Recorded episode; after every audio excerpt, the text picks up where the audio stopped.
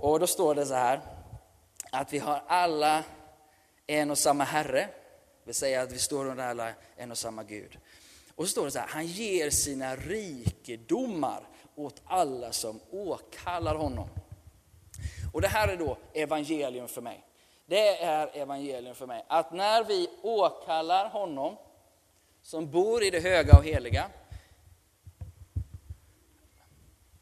Dundrar dundrare, det kanske bara jag som stör sig där, men det är mycket mer. Va? Effektfullt ja. Snart kör vi analogt istället. Ja. Um, nu ska vi se här. Um, ni känner igen den här linjen, ni som har rört er här de sista, det sista året. Vi har pratat om världsbild och vi har pratat om att Gud kommer för att ena världsbilden mellan det osynliga, snyggt, och det synliga. Synliga. Vi har i den här kulturen lärt oss att det synliga är det som vi kan räkna med, det är det stabila, det är det vetenskapliga. Allt här uppe är lite Eh, föränderligt, det är lite så som vi själva tycker. Det är vars och ens privatsak att någonstans definiera vad som finns här uppe. Ehm, det stora med evangelium, det är att Gud som bor i det osynliga, han blir, vadå? Vad blir Gud? Synlig genom Jesus som är en människa. Tack. Så Gud blir människa, okej, okay, och möjliggör att Guds oändliga rikedomar här uppe kan bryta ner i den synliga sfären som är din och min vardagssituation. Det stora med evangelium är att det som Gud har i himmelen är nu tillgängligt på jorden. I vems tillvaro? I din och min. Var och en av oss som var då åkallar, det kommer vi till här, eller det var det vi läste, åkallar honom, ropar till honom, vänder sig till honom, hjälp mig Herre. Ta tag i honom och liksom genom sin, sitt hjärtas bön drar ner, om du förstår bilden, hans verklighet till din verklighet. När helst du gör det, när helst någon gör det. Alla har samma Herre. Han gör inte skillnad på jude och grek, arab eller ryss. Han gör inte skillnad på ung eller gammal. Alla har vi alla tillträde till att åkalla honom. Och när vi gör det, vad händer med rikedomarna hos Gud? De blir tillgängliga för oss här nere. Och då är det viktigt att vi förstår i kontexten som det handlar om nu. Det handlar om frälsning, det handlar om räddning, det handlar om helhet, det handlar om att bli hel som människa. Och det handlar om att komma ur möjligtvis fattigdom, men det är inte pengar primärt vi pratar om. Och det är det här som jag känner är så stort, att var och en av oss har fått i uppgift att gå ut och berätta för människor. Precis som Jesus sa väldigt enkelt. Vad sa han? Han sa att himmelriket är nu här. Guds rikedomar är nu här. Därför är det tid att omvända sig, att vända sig till Gud, till Jesus. Det är tid, när detta är tillgängligt så är det inte tid att boxa in sig och mura in sig i sin egen tillvaro, sina egna tillgångar, sina egna omständigheter.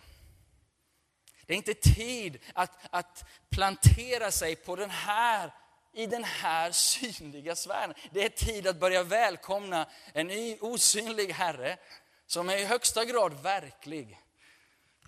Evangeliet är att hans osynliga egenskaper, hans osynliga förmåga, kraft och kärlek är nu tillgänglig för dig och för mig.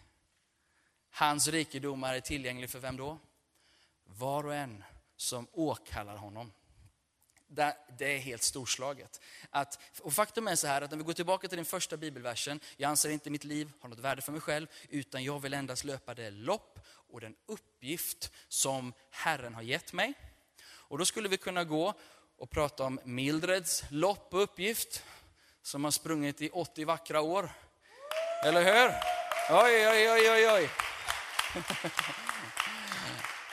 Eh, det är en bra sträcka. Jag hoppas att jag får springa lika länge och lika väl. Tänk om vi alla kunde vandra i hennes fotspår. Då skulle det bli bra, vet ni. Men, men nu ska vi inte prata... Vad heter du, broder? Robert. Robert, han har en given bana. Robert har en given uppgift. Men faktum är att ska vi summera Roberts uppgift och Mildreds uppgift så skulle jag vilja påstå att det står ett likhetstecken till att vittna om hans nåderika evangelium. Och Det betyder inte att Robert och Mildred springer omkring som yra höns och ska försöka få människor frälsta i varje hörn. Faktiskt. För vi har översatt det här genom att tänka oss evangelistens gärning. Men jag skulle vilja säga att vittna och berätta om hans nåderika evangelium och hans rikedomar som är tillgängliga. Det är det det handlar om. Det handlar om att göra det tillgängligt för människor här. Mildred hon har kutat en hel del i kyrkan här, hon har varit i Indonesien och på andra platser. Överallt så har hennes uppdrag varit att göra Gudsriket tillgängligt för människor där hon går fram. Sen om hon är hemmamamma eller översättare eller någonting annat. Robert, där han går fram, vad han än pysslar med, han är bilmekaniker eller professor på universitetet, så menar jag att han och Mildreds uppdrag är likvärdigt i det att göra Gudsrikets rikedomar tillgängliga här. Det är det som kallas för att evangelisera. Att evangelisera det är att göra evangeliet, det är att väva in evangeliet i den synliga världen. Att evangelisera handlar om att tillgängliggöra evangeliet för människor där de är. Att tillgängliggöra det Jesus gjorde på korset, uppstod igen, tredje dagen sitter på Faderns högra sida, där igen återkommande en dag att döma världen. Det har med människors vanliga liv att göra. Det är evangeliet och det har med Roberts liv att göra, det har med Mildreds liv att göra och det har med min son Lukas liv att göra som springer ner i barnkyrkan just nu. Men vet ni vad det storslagna är? Att jag får vara med och göra detta tillgängligt för de som finns i min sfär. Att evangelisera min sfär, det är att väva in evangeliet i människors liv så att vi inte boxas in i den här vi och du och jag kommer in och vi, vi bråkar med den här linjen. Vi, vi, vi förstår mig rätt, vi attackerar den här linjen. Vi, vi, är fast beslutsamma att den här linjen ska inte få existera i uppdelning mellan söndag och vardag, mellan kyrka och världen, genom det pastorala och det profana. Vi är fast beslutna om att vi har samma uppdrag som Jesus, nämligen att bryta himmelriket fram i de sfärer som vi rör oss i. Amen. Att evangelisera handlar om att gospelisera, handlar om att ta det här goda budskapet om hans godhetsrikedom tillgängligt här och nu och göra det tillgängligt på ett sådant sätt så att din granne, min vän kan ta det till sig. Och här tror jag att vi har ett avstånd att jobba med. Vi har ett avstånd att jobba med för jag tror att vi är lite till mans, pastorn inkluderad, eh, både otränade och oredig, oredo, icke redig, icke redo. I att ge evangeliet på ett sådant sätt in i människors värld så att de kan tillgodose sig hans rikedomar där de befinner sig just nu. Det var en lång mening, men förstår ni? Att när, och jag, och jag är ju här, nu har vi ju sedan i januari hamrat på den här spiken, för, för, för, jag upplevde att en av de spikar vi skulle hamra på, det var att berätta och vittna om det vi har varit med om. Och nu har vi gjort, vi håller på med det och jag tänker vi håller på med det tills vi, vi kommer igång. Tills jag kommer igång. Tills vi blir mer skickliggjorda. I Fesebrevet 4 och 12, eller 10 och 12, där står det om tjänstegåvorna. Tjänstegåvornas uppgift är vad då? Att utrusta de troende till tjänst. Att bygga upp Kristi kropp. Till ett sådant mått av mognad och enhet i tron och allt det där. Men tjänstegåvorna är där för att rusta, för att skickliggöra. Och jag tänker att här är det viktigt och här kommer vi till den här söndagen just här och nu. Och jag tänkte att vi ska prova det där. Hur kan du och jag bli redo, mer tillgängliga, mer tillgängliga när våra vänner vill höra vad var det Jesus egentligen gjorde och vad, var det där, vad betyder det för mig? Men innan vi gör det så ska vi öppna, gå tillbaka till Romarbrevet 10 och ställa några enkla frågor till texten. Har ni biblarna här fortfarande? Ni har inte somnat? Ehm, jag läser kapitel 10, vers 8 till och med 17. Och sen så går vi tillbaka lite grann till vissa frågor. Kapitel 10, vers 8. Vad säger den då? Ordet är dig nära, i din mun och i ditt hjärta. Vad är det som är dig nära? Jo, nämligen trons ord som vi predikar. Så vad är det vi predikar? Vi predikar trons ord. Och där kommer de här kända verserna. Om du därför med din mun bekänner att Jesus är Herren och i ditt hjärta tror att Gud har uppväckt honom från de döda ska du bli frälst. Ty med hjärtat tror man och blir rättfärdig, med munnen bekänner man och blir frälst. En kort, enkel introduktion till hur man tar emot riket genom att tro i sitt hjärta och bekänna Jesus som sin Herre. Och så står det i vers 11, skriften säger, ingen som tror på honom ska stå där med skam. Inte någon av oss kommer stå där på skam som tror på honom. Och nu läser vi igen, det är ingen skillnad mellan jude och grek. Alla har en och samma Herre och han ger sina rikedomar åt alla som åkallar honom. Till var och en, det kan vi säga tillsammans kanske, till var och en, till var och en som åkallar Herrens namn ska bli frälst. Jag säger det en gång till? Ty var och en som åkallar Herrens namn ska bli frälst. Och nu kommer det till den här eh, lite sköna biten av den här texten. Men hur skulle de kunna åkalla den som de inte har kommit till tro på? Och hur skulle de kunna tro på den som de inte har hört? Och hur skulle de kunna höra om ingen predikar? Och hur skulle några kunna predika om de inte blev utsända? Det står skrivet, hur ljuvliga är inte stegen av dem som förkunnar det goda budskapet. Men alla ville inte lyda evangeliet, säger Jesaja. Herre, vem trodde vår predikan? Alltså kommer tron av predikan och predikan i kraft av Kristi ord.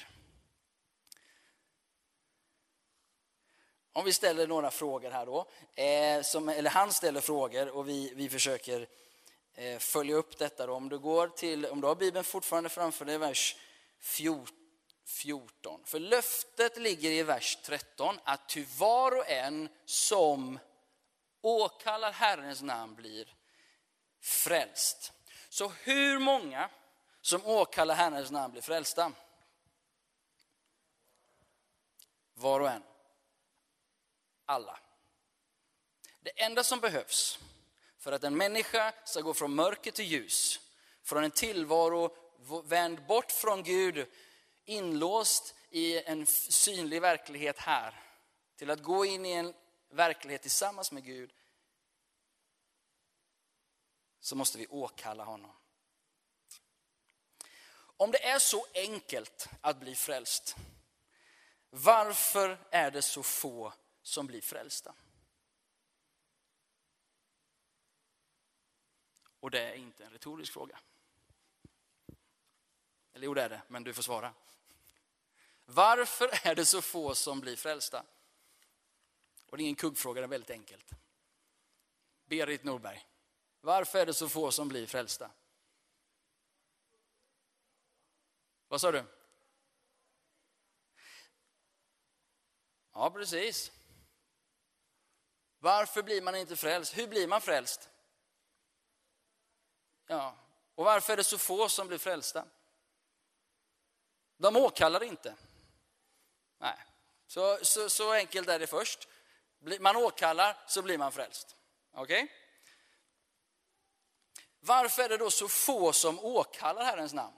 För om det är så enkelt, Varför åkallar inte svensken Herrens namn och blir frälst i ett nu? Vi vet, vad sa du? De tror bara på det synliga. Ja, precis. De tror på sig själva. Hej Jessica. Vad sa du Mildred? Ja, de har inte hört. Och har man inte hört, vad har man inte då? Vad hör man? Vad sa du? Om man inte har hört, vad har man inte då? Kunskap som leder till tro.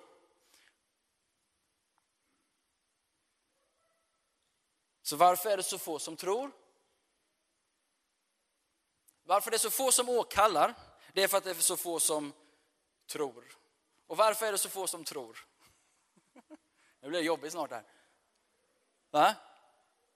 För att de inte har kunskap. Varför har de inte kunskap? För att de inte har hört.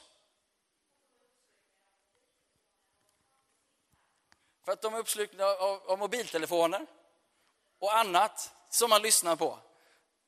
Man hör och man lyssnar på många andra saker. Eller hur? Det här är djupt nu idag ni. Och det är därför de inte hör. Okej, okay, så man kan ställa den här frågan till Pekka. Varför är det så få som har hört? Precis, bra. Varför är det så få som har hört? Det är få som berättar.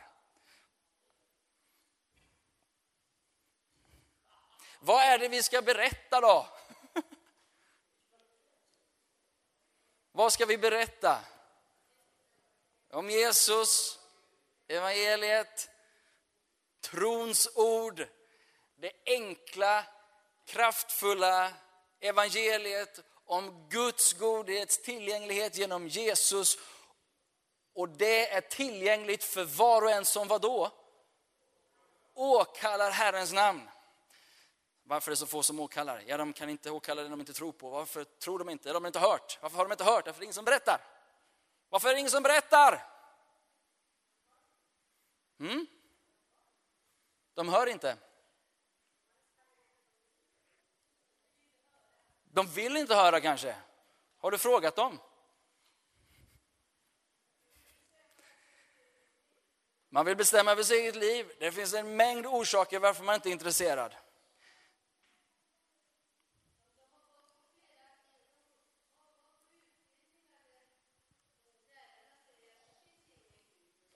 Man har lärt sig på olika platser att inte, den här verkligheten finns inte. Eller hur? Så är det. Vi, jag menar, våra kids kan mer om, om hen än de kan om honom. Det är viktigare att lära barnen om hen i den här världen än att fatta att alltings ursprung är en evig skapare som har en plan med allt det här förvirrade här nere. Ja, så det finns mycket att säga om det. Men grundläggande är det så här. Det är få som berättar. Det är väldigt få som berättar. Och då kan man ställa sig den givna frågan, varför är det så få som berättar? Ja, bra fråga till evangelist Pekka. ja, men det där ska ju evangelisterna sköta. Nej. Vad är orsaken? Jag tror vi är osäkra. Jag tror inte någon här inne som har mött godheten i evangelium och i Jesus, han som har dött och uppstått för vår skull, skulle säga nej men jag vill inte egentligen. Vi är rädda, ja absolut. Vi, vi tycker obekvämt, absolut. Men när det kommer till grunden så tror jag att var och en av här inne som har mött Guds rikedomar är inte så självisk att de tänker så här, nej det här ska jag inte berätta för någon. För då kanske någon annan upptäcker detta och tar det ifrån mig. Jag tror inte någon här inne orienterar sig på det sättet, utan jag tror att du vill. Jag är helt övertygad om att du vill. Även om du ändå inte tror på detta ännu, tänk att det var en vacker tanke Paula, det måste jag berätta för någon. Det här är ju ingen dålig tanke. Det bryter ju inte ner någon människa. Att tala om att Gud har en plan med den här trasiga, skakiga världen. Och att det finns genom Jesus en tillgänglighet. Och du behöver inte jobba dig upp, du behöver inte bygga en stege här. någon religiös trappstege som ska liksom ta dig upp till upplysning och frälsning. Här, fasta, be, allmosor, whatever. Eh, meditation, yoga, kundalini, you name it. Allting som ska tas upp, upp, upp, upp, upp, upp till slut. Vi kommer till ett sånt upplyst, frälst tillstånd. Så att vi någonstans kan hoppas att i slutet vi föds om till en kossa. Eller kanske få 70 jungfrun uppe där uppe. Jag vet inte vad du ska göra med 70 jungfrun. Alltså. Det är, det, jag, ursäkta, nu är jag lite orespektfull här, men det, jag, för mig är så klingar, jag förstår det inte riktigt bara, det är det. Den här stegen är helt omvänd i evangelium förstår ni. Det handlar inte om att människan ska klättra upp till Gud, utan det handlar om att Gud steg ner till människorna. Han stiger oss till mötes, han jagar oss, han jagar dig. Om du inte ännu har fått möta honom så jagar han dig i din kärlek. Han vill komma nära dig och han väntar på att du ska göra en sak och det är att åkalla honom och säga Herre rädda mig, Herre ta hand om mig, Herre bli min Herre, bli min frälsare. Jag vill inte leva inboxad i den här verkligheten och jag vill inte kämpa mig upp till ett bättre tillstånd, lösa mitt eget kaos och möjligen nå upp till frälsningens nivåer. Utan jag kommer till Jesus och jag inser att det inte handlar inte om min lydnad, utan det handlar om hans lydnad. Det handlar inte om min duktighet, förträfflighet, utan det handlar om att han fullbordade allt sammans på korset. Och genom att åkalla den frälsningen så räddas du ur ditt elände och du får tillgång till himmelrikets rikedomar. That's a good message my friend. Tokbra evangelium har vi. Varför är det så få som berättar? Jag tänker att vi är osäkra. Jag tänker att vi vet inte riktigt och hur vi evangeliserar. Evangelisation har blivit något vi gör på gatan eller vänskapsevangelisation, ett krystat tillstånd där jag ska försöka liksom, jag vet inte. Men om evangelisation handlar om att, att på något sätt väva in Guds godhet i Jesus in i andra människors liv. Att, att, att göra det möjligt för dem att Jesus blir tillgänglig där de befinner sig. De kanske inte blir frälsta imorgon, det kanske inte är det det handlar om. De kanske bara behöver lite hjälp i sitt äktenskap. De kanske bara behöver lite hjälp hur man hanterar pengar. Evangeliet har svar på det. Men vi har separerat evangelium till ett högt budskap där uppe och sen så lever vi våra liv här nere. Men jag tycker det ska bli spännande att under hösten bland annat, i alla fall när jag undervisar, fundera på hur gör vi evangeliet tillgängligt? Hur gör vi evangeliet applicerbart för vanliga svenskar? Evangeliet är Guds kraft till frälsning. Och nu ska du få möjlighet att praktisera min vän. Nu har jag jobbat klart, nu ska du få jobba. Jag ska beskriva någonting för dig. Och där du sitter så du sitter säkert jämte någon kompis. Kommer du inte med någon kompis så fixar jag en kompis till dig. Jag kan vara din kompis. Vi ska, vara, vi ska jobba i två och två nu. Så här gör vi inte på söndagar normalt sett, men så gör vi idag. Eftersom jag har micken så bestämmer jag.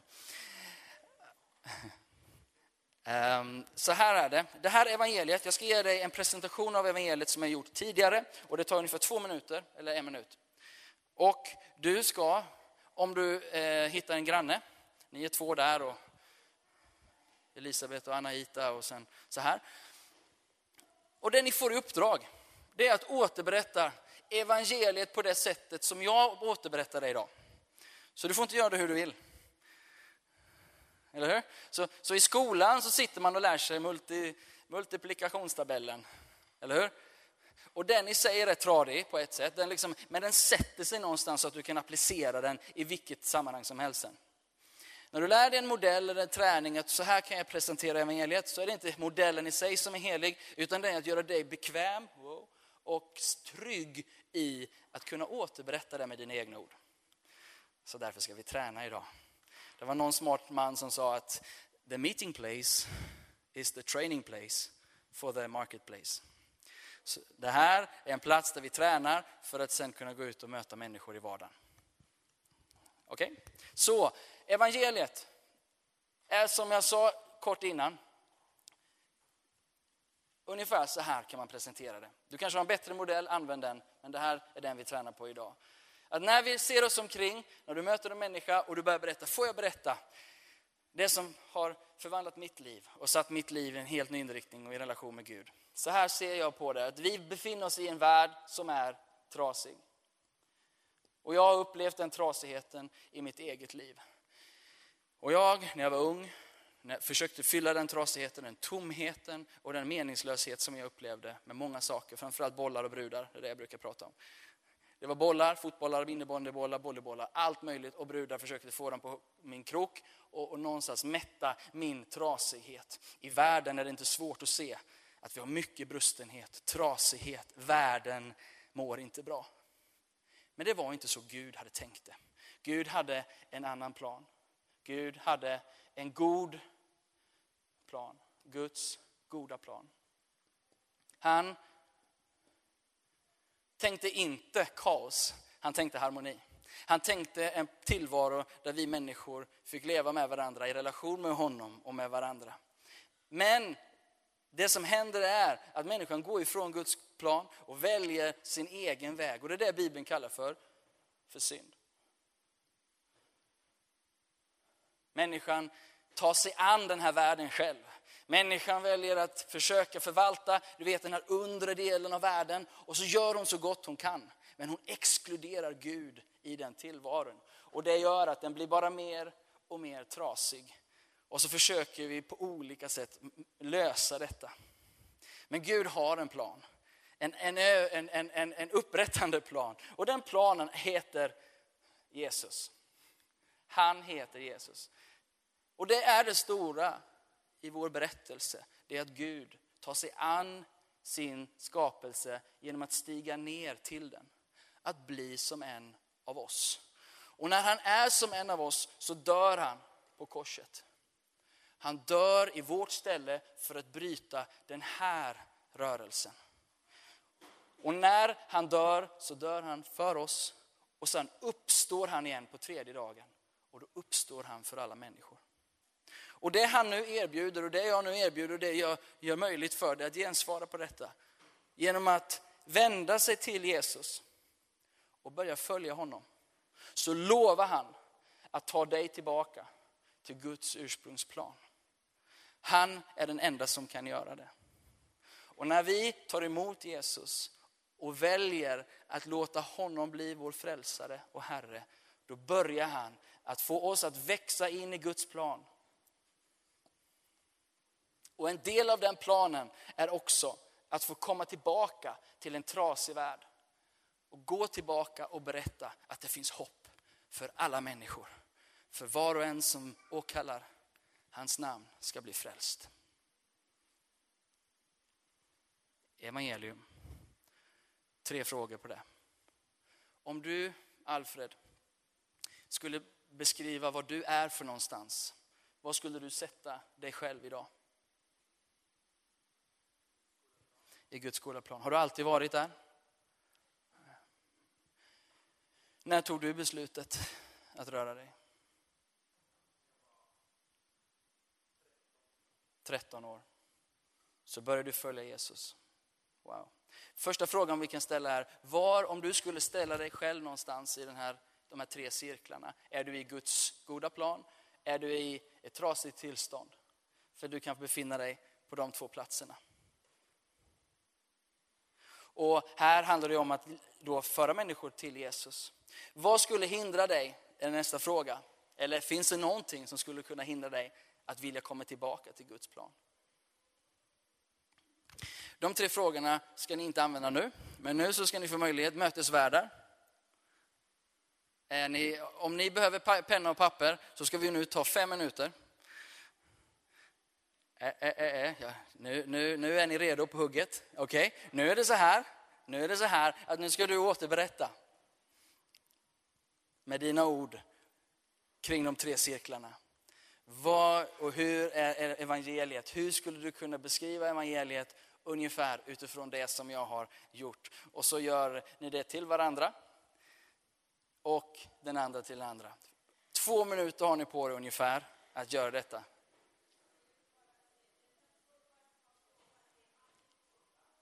Vad sa du? Ja.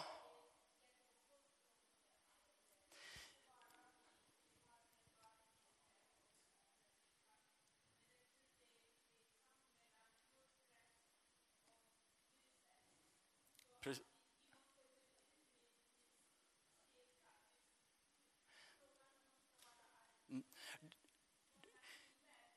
Där, ursäkta att jag avbryter dig. Just, just nu så ska vi bara försöka presentera det här. Det finns många andra aspekter, som du säger, hur vi berättar detta och så vidare. Det jag vill nu inför den här sommaren, det här är min varför jag gör detta, det är att nu är vi på väg ut i en sommar. Och vi kommer möta så många människor på olika platser. Och då tänker jag så här, det måste vara mitt ansvar och förmån att få ge dig en möjlighet att kunna återberätta evangeliet till någon annan.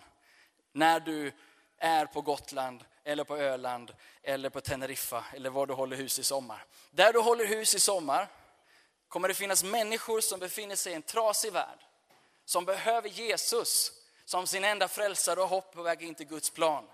Det vet vi. Och jag vet inte hur många du kommer möta som kommer vilja höra, men vi berättar för dem som vill höra. Okej? Okay? Två och två, berätta för varandra, en minut bara, eller två minuter, väldigt kort. Så att det bara sätter sig. Hitta någon och sen så bryter vi om några minuter här.